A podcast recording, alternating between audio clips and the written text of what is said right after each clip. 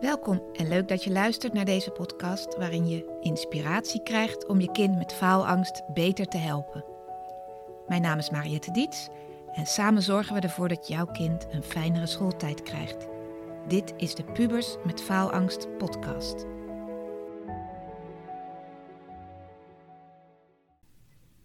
Als kinderen bij mij komen voor leren leren, en dan leg ik uit hoe leren werkt, hoe je het beste kan concentreren en zo, is een van mijn vragen altijd: hoe slaap je? Hoe is je slaappatroon? Slaap je makkelijk? En heel veel pubers hebben slaaptekort. En als jouw kind last heeft van faalangst, is dit wel een belangrijk onderdeel om naar te kijken. Want kinderen moeten genoeg slapen. Dus daar gaat deze aflevering over. Hoe kan je je kind helpen om beter te slapen? Welkom Leuk dat je weer luistert. Als je een trouwe luisteraar bent, leuk dat je weer aangehaakt bent en dat je luistert naar deze aflevering. En ben je nieuw, dan een extra welkom voor jou. Er staan nog heel veel andere afleveringen klaar over allerlei onderwerpen die te maken hebben met tieners, pubers, het leren leren, omgaan met stress, met faalangst, ook oefeningen voor kinderen zelf om beter te ontspannen. Maar vandaag gaan we het dus hebben over slapen.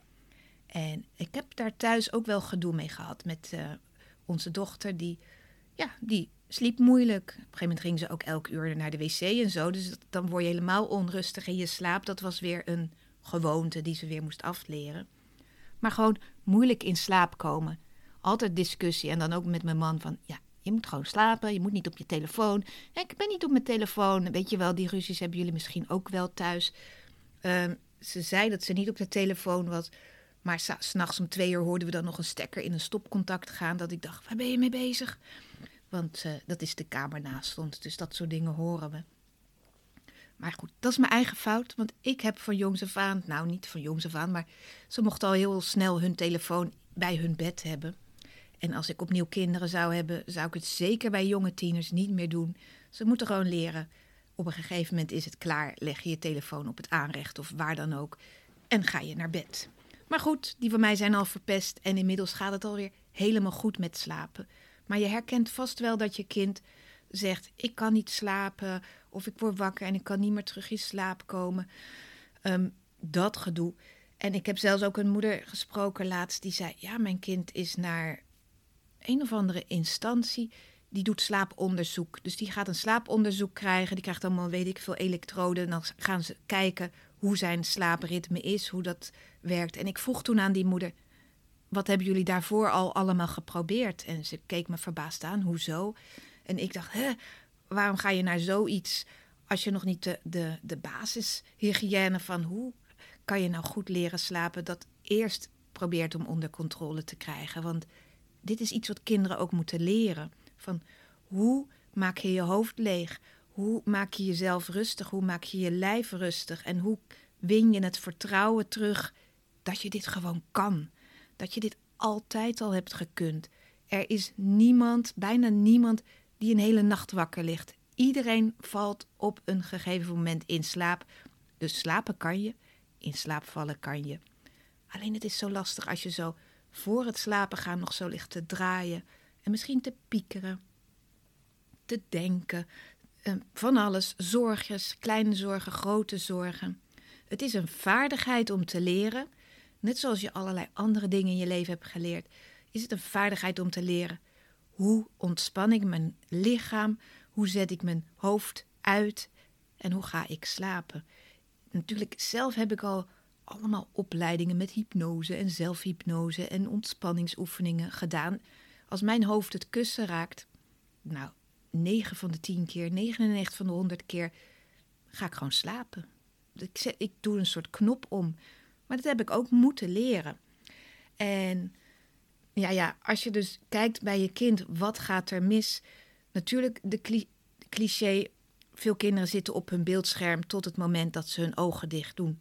Dat is niet zo goed voor het brein. Als je nog heel actief bezig bent met je snaps bijwerken en de laatste TikToks bekijken tijdens het tandenpoetsen, dan activeer je dat brein weer.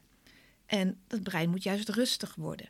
Dus het is niet gek dat al die slaaptips beginnen over een uur voor je gaat slapen, stoppen met beeldschermen. Dus dat is al een basisregel. Nou, verder ken je natuurlijk ook wel de basistips van ja, niet te eh, zoet, suikerachtig eten en drinken voor je naar bed gaat. Want dat zet alweer allerlei processen in je lichaam aan het werk.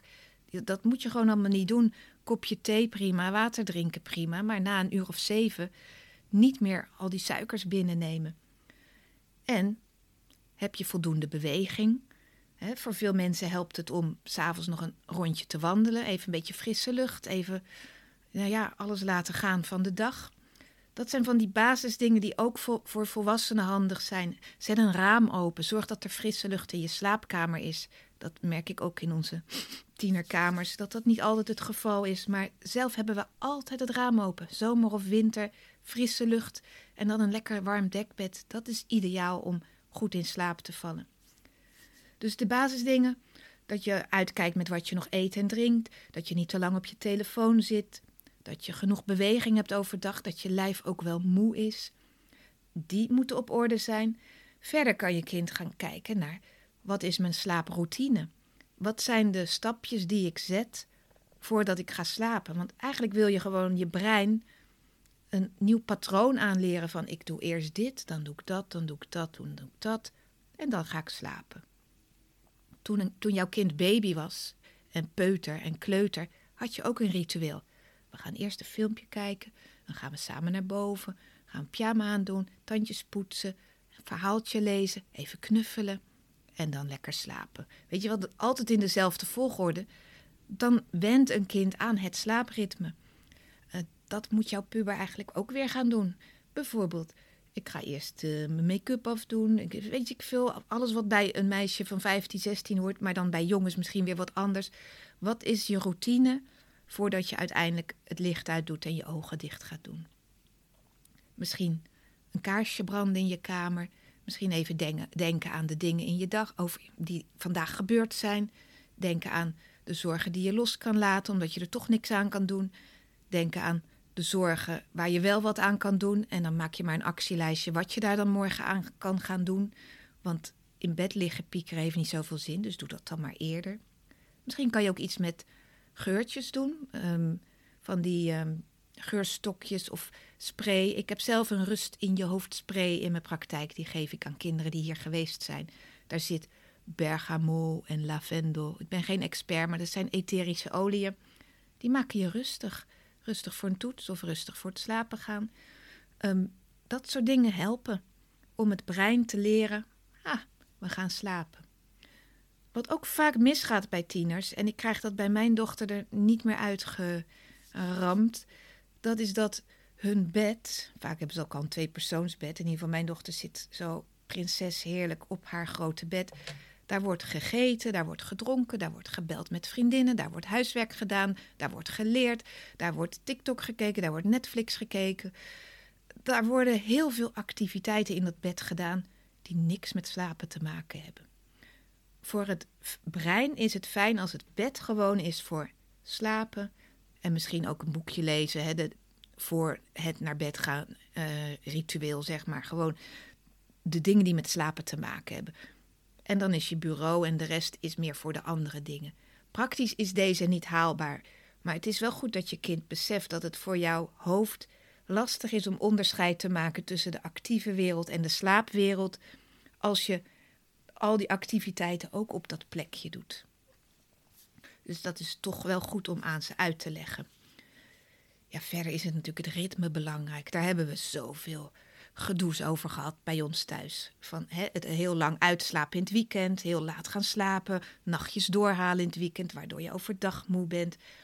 Dat draagt allemaal ook niet bij aan een lekker ritme. Mijn man wilde altijd al dat ze op de woensdag voor het einde van een schoolvakantie alweer langzaam in hun ritme kwamen. Nou, dat is een beetje veel gevraagd van tieners, maar ritme en regelmaat is wel beter voor je brein, voor de aanmaak van de slaaphormonen en alles. Dat daar een soort van patroon in zit. Wat wilde ik nog verder vertellen? Even denken. Ja, we hebben het dus gehad over die basisdingen. Van niet te lang op je telefoon, genoeg naar buiten, niet te veel eten en drinken. Ehm, de setting, de slaapkamer. Zorg ook dat die rustig is. Als je een opgeruimde kamer hebt, voelt je hoofd ook leeg. Dus als dat een ontplofte puberkamer is, kan dat ook onrustig maken. Dus bij dat bedtime ritueel kan ook horen, ik leg even al, ik ruim even alles op, ik pak mijn tas in voor morgen, ik hang mijn kleding, kleren klaar voor morgen. Dat geeft jouw brein en je, jezelf echt het gevoel van, ik heb mijn leven op orde. Dat is lekker. Dus dat kan. Als je dan eenmaal in bed ligt, dan moet je dus jezelf leren hoe je jezelf uitzet. Daar heb ik ook wel wat tips voor. Een hele fijne en een hele makkelijke is: ga naar een herinnering waar je je zo relaxed en zo vrij en zo chill voelde. Voor mij is dat bijvoorbeeld als je op een lichtbedje aan een zwembad in Italië op een camping ligt, bijvoorbeeld. Gewoon, je hoort kinderen spelen, je hoort het gekwetter van iedereen. Je hoeft niks, niemand zeurt aan je hoofd. Dat gevoel, nou dat hebben tieners ook. Die hebben allemaal wel een fijne vakantieherinnering waar het gewoon fijn was. Fijn en chill, want in een vakantie is er geen druk, zijn er geen toetsen, is, is er, zijn er geen SO's, niemand hoeft iets. Dus ga gewoon mijmeren over zo'n fijne herinnering van wat hoorde ik toen, wat zag ik toen, wat voelde ik toen, wat rook ik toen. Door daar helemaal in te gaan, dat is een soort zelfhypnose, dan ben je daar weer. En voor je brein maakt het niet uit of je het bedenkt of dat je er bent. Je brein denkt, ah, we hebben het rustig. Dus die maakt dan ook al die hormonenstofjes aan die ook zorgen dat je het rustig hebt. Dus denk aan iets heel fijns, aan iets ontspannends, iets waar je rustig van wordt. Soms helpt een muziekje daarbij. Misschien kan je wel een playlist maken met muziekjes waar je ook rustig van wordt. En als je aan dat muziekje weer de herinnering koppelt, dan werkt dat extra snel of extra diep. Want als je dan naar het muziekje luistert, komt die herinnering op. Als je aan die herinnering denkt, popt dat muziekje op. Dat versterkt elkaar dan in het rustig maken. Dus zo kan je door aan iets rustigs te denken, jezelf rustig maken. Nou, een iets actievere manier van ontspannen is, misschien ken je dat van yogales of wat dan ook, de body check. Dat je van boven naar beneden met je aandacht naar ja, eigenlijk je hele lijf gaat. Je gaat gewoon systematisch naar je voorhoofd ontspannen, je ogen ontspannen, je wangen ontspannen, je kaak ontspannen. Gewoon, je gaat bewust eigenlijk van je, aandacht, van je aandacht die overal heen flipperkast, ga je helemaal samenknijpen naar plekjes op je lijf, van boven naar beneden. Je keel, je schouders, je borst, je buik, je rug, je billen, je benen, helemaal tot het puntje van je tenen. Door zo op één ding te focussen, ben je niet meer al die kanten op aan het schieten. Dat maakt je hoofd ook rustig. Vind je dat lastig, dan kan je ook alles eerst aanspannen en dan loslaten. Dus ik span alle gezichtsspieren aan en ik laat ze los. Ik span mijn schouders aan en ik laat ze los. En zo alles. Mijn buik en ik laat het los. Mijn armen en ik laat het los. Dus dan ga je je hele lijf van boven naar beneden af. En al die spiergroepjes span je aan en daarna laat je ze los. Soms is het voor kinderen moeilijk om iets zomaar te ontspannen. Van ontspan je benen. Hoe dan? Maar als je ze eerst aanspant, kan je ze daarna makkelijk ontspannen. Dus dat kan je ook oefenen samen met je kind. Van hoe kan je dat hele lijf afscannen met ontspanning? Daar word je gewoon rustiger van. Een andere manier, vinden kinderen ook heel stom, maar hij helpt wel. Ademhalingsoefeningen. Ga met je aandacht naar je adem. Als je bij je adem bent met je aandacht, dan ben je niet bij al die toetsen, al dat vriendengedoe, vriendinnengedoe, sociale gedoe. Dan ben je gewoon alleen bij je ademhaling. En zorg dan dat je langer uitademt dan dat je inademt. Dus bijvoorbeeld vier tellen in, acht tellen uit.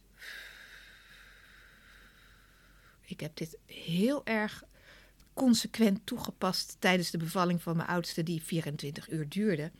Gewoon alsmaar tellen hoe mijn ademhaling was. Ik denk dat dat mijn allereerste ervaring met zelfhypnose was. Ik was helemaal van de wereld. Ik was helemaal in trance. Ik was er wel, maar ik was er ook niet. En ik, ik had totaal geen benul van tijd. Ik was gewoon urenlang alleen maar aan tellen. Nou, dit kan je ook gewoon in bed doen. Je telt je adem in en uit 1, 2, 3, 4, 5, 6, 7. En hoe langer je uitademt, hoe rustiger het wordt in je zenuwstelsel. Ik deed gisteren een uh, workshop mindfulness op een middelbare school met allemaal gestreste meiden, maar allemaal meiden tussen de tweede klas en de zesde klas. Twee minuten lang liet ik ze zo'n oefening doen van ga maar voor jezelf tellen, dubbel zo lang uitademen als dat je inademt. Of in ieder geval langer uitademen. En dat deden ze allemaal braaf. De een deed bijvoorbeeld drie tellen in, zes tellen uit. De ander zeven tellen in, elf tellen uit. En aan het eind stak een meisje, best een druk meisje, die stak de hand op. Ik heb 22 tellen uitgeademd. Maar ja, het doel was niet zo lang mogelijk. Het doel van deze oefening is dat je je hele ademhaling rustiger maakt. In, in een rustige toestand hoef je maar acht keer in een minuut te ademen. En ik ga dan met die kinderen voor zo'n oefening eerst tellen hoe vaak adem je nu per minuut. Dus dan moeten ze gewoon tellen. Eén ademhaling, twee ademhaling. Dan doen we zo'n ademhalingsoefening en dan tellen we weer hoeveel adem je nu per minuut. En dan is het allemaal gehalveerd. Je wordt er gewoon rustiger van. Dus los van dat het je ook nog in een soort van zelfhypnose brengt, maakt het je systeem rustiger. Dus ga gewoon tellen. Als ik aan het wandelen ben, doe ik het ook wel eens. Dan zet ik vier stappen adem ik in en acht stappen adem ik uit. En soms kom ik ook helemaal tot de veertien en dan voel ik me helemaal rustig worden. Dus dit kunnen kinderen ook overdag trainen. Beetje meer aandacht voor je ademhaling, dan gaat alles beter. Concentreren gaat beter, omgaan met stress gaat beter. Maar ook s'avonds in bed, je wordt er rustiger van. Dus, ik denk dat ik nu voor nu genoeg tips gegeven heb. Denk dus aan die basisdingen in het begin die ik zei. Ehm, de oefening om je lijf, hè, die bodycheck van boven naar beneden rustig te maken. Uh, denk aan een fijne herinnering. Die is best makkelijk. Kan je ook met jongere kinderen doen. Denk eens aan iets heel fijns. Ballonnen in het park, ik zeg maar wat. Verzin een fijne droom. Dat helpt vaak al. En wie weet wordt het ook je fijne droom. En uh, tenslotte dus ook die ademhalingsoefeningen. Er zijn legio oefeningen op YouTube en Spotify te vinden meditaties, visualisaties. Zoek gewoon iets wat bij je past. In deze podcast zijn ook afleveringen. Als je zoekt op het woordje slapen, is er een fijne oefening om je hoofd leeg te maken en lekker te gaan slapen. Maar je kan die dingen ook zelf gewoon bedenken. Bijvoorbeeld, ik doe net alsof ik al mijn gedachten wegswipe. Alsof je, heb je dat wel eens dat je op je telefoon alle appjes uit gaat zetten? Doe ik zo één keer in de zoveel tijd. Dan heb ik honderd dingen aanstaan blijkbaar. Want ik kan dan echt swipen tot ik een ons weeg. Ja, zo kan je dus doen of je alle gedachten uit je hoofd wegswipt. Nou ja, dat soort dingen kan je heel veel op internet vinden. Van die visualisaties. Als je daarin meegaat, ja, dan val je vanzelf in slaap. En als laatste, hou de moed erin. Als een kind zegt, ik kan niet slapen, zeg gewoon, iedereen kan leren slapen. Ook jij kan leren slapen. En laten we kijken welke manier helpt bij jou om jou weer te helpen slapen, te leren slapen. En het is wel zo dat, net als bij mijn leeftijd, bij mij nog niet, maar leeftijdgenoten, de overgang, de hormonen kunnen de boel omgooien. Zo is dat natuurlijk ook bij pubers. Daar zit ook iets met dat slaaphormoon wat niet lekker werkt. Dus het is ook zo dat ze niet zomaar om tien uur hun knop om kunnen zetten en kunnen slapen. Dat, dat, dat rommelt een paar jaar. Maar je hebt er wel wat invloed op. En die dingen kunnen ze, aan die knoppen kunnen ze in ieder geval wel gaan draaien. En uh, bij die dochter van ons is het ook goed gekomen. Die was trouwens ook bij een coach ooit die zei: plak je mond dicht. Ik heb dat zelf nooit gedaan, maar dat is ook een hele nieuwe trend in, uh, in de coach- en slaapwereld. Dat, dat dwingt je om s'nachts met je neus te ademen. En dat schijnt weer heel goed voor al die processen te zijn. Ik weet niet of het placebo is. Ik heb het niet geprobeerd. Maar ons meisje ging dat doen. Ik geloof dat ze het een week of twee gedaan heeft. En nu doet ze het niet meer. Maar ze slaapt. Dus dat kan ook nog helpen. Ga maar eens googelen. Ik weet niet of het onzin is, maar je kan het proberen. Nou, succes. En uh, als je wil dat ik dit soort dingen ook eens met jouw kind bespreek, plan eens een kennismakingsgesprek in. Dan kunnen we even kijken wat er speelt en of ik kan helpen. En uh, dank je wel voor het luisteren. Een fijne dag nog verder. Slaap lekker vannacht. Tot de volgende keer. Bedankt weer voor het luisteren naar de Pubers met Faalangst podcast. Wil je met mij sparren over jullie situatie? Dan kun je altijd een gratis kennismakingsgesprek inplannen via www.dietscoaching.nl. Vind je deze podcast interessant? Abonneer je dan en geef hem een goede review. Dat helpt mij enorm om nog meer ouders te bereiken.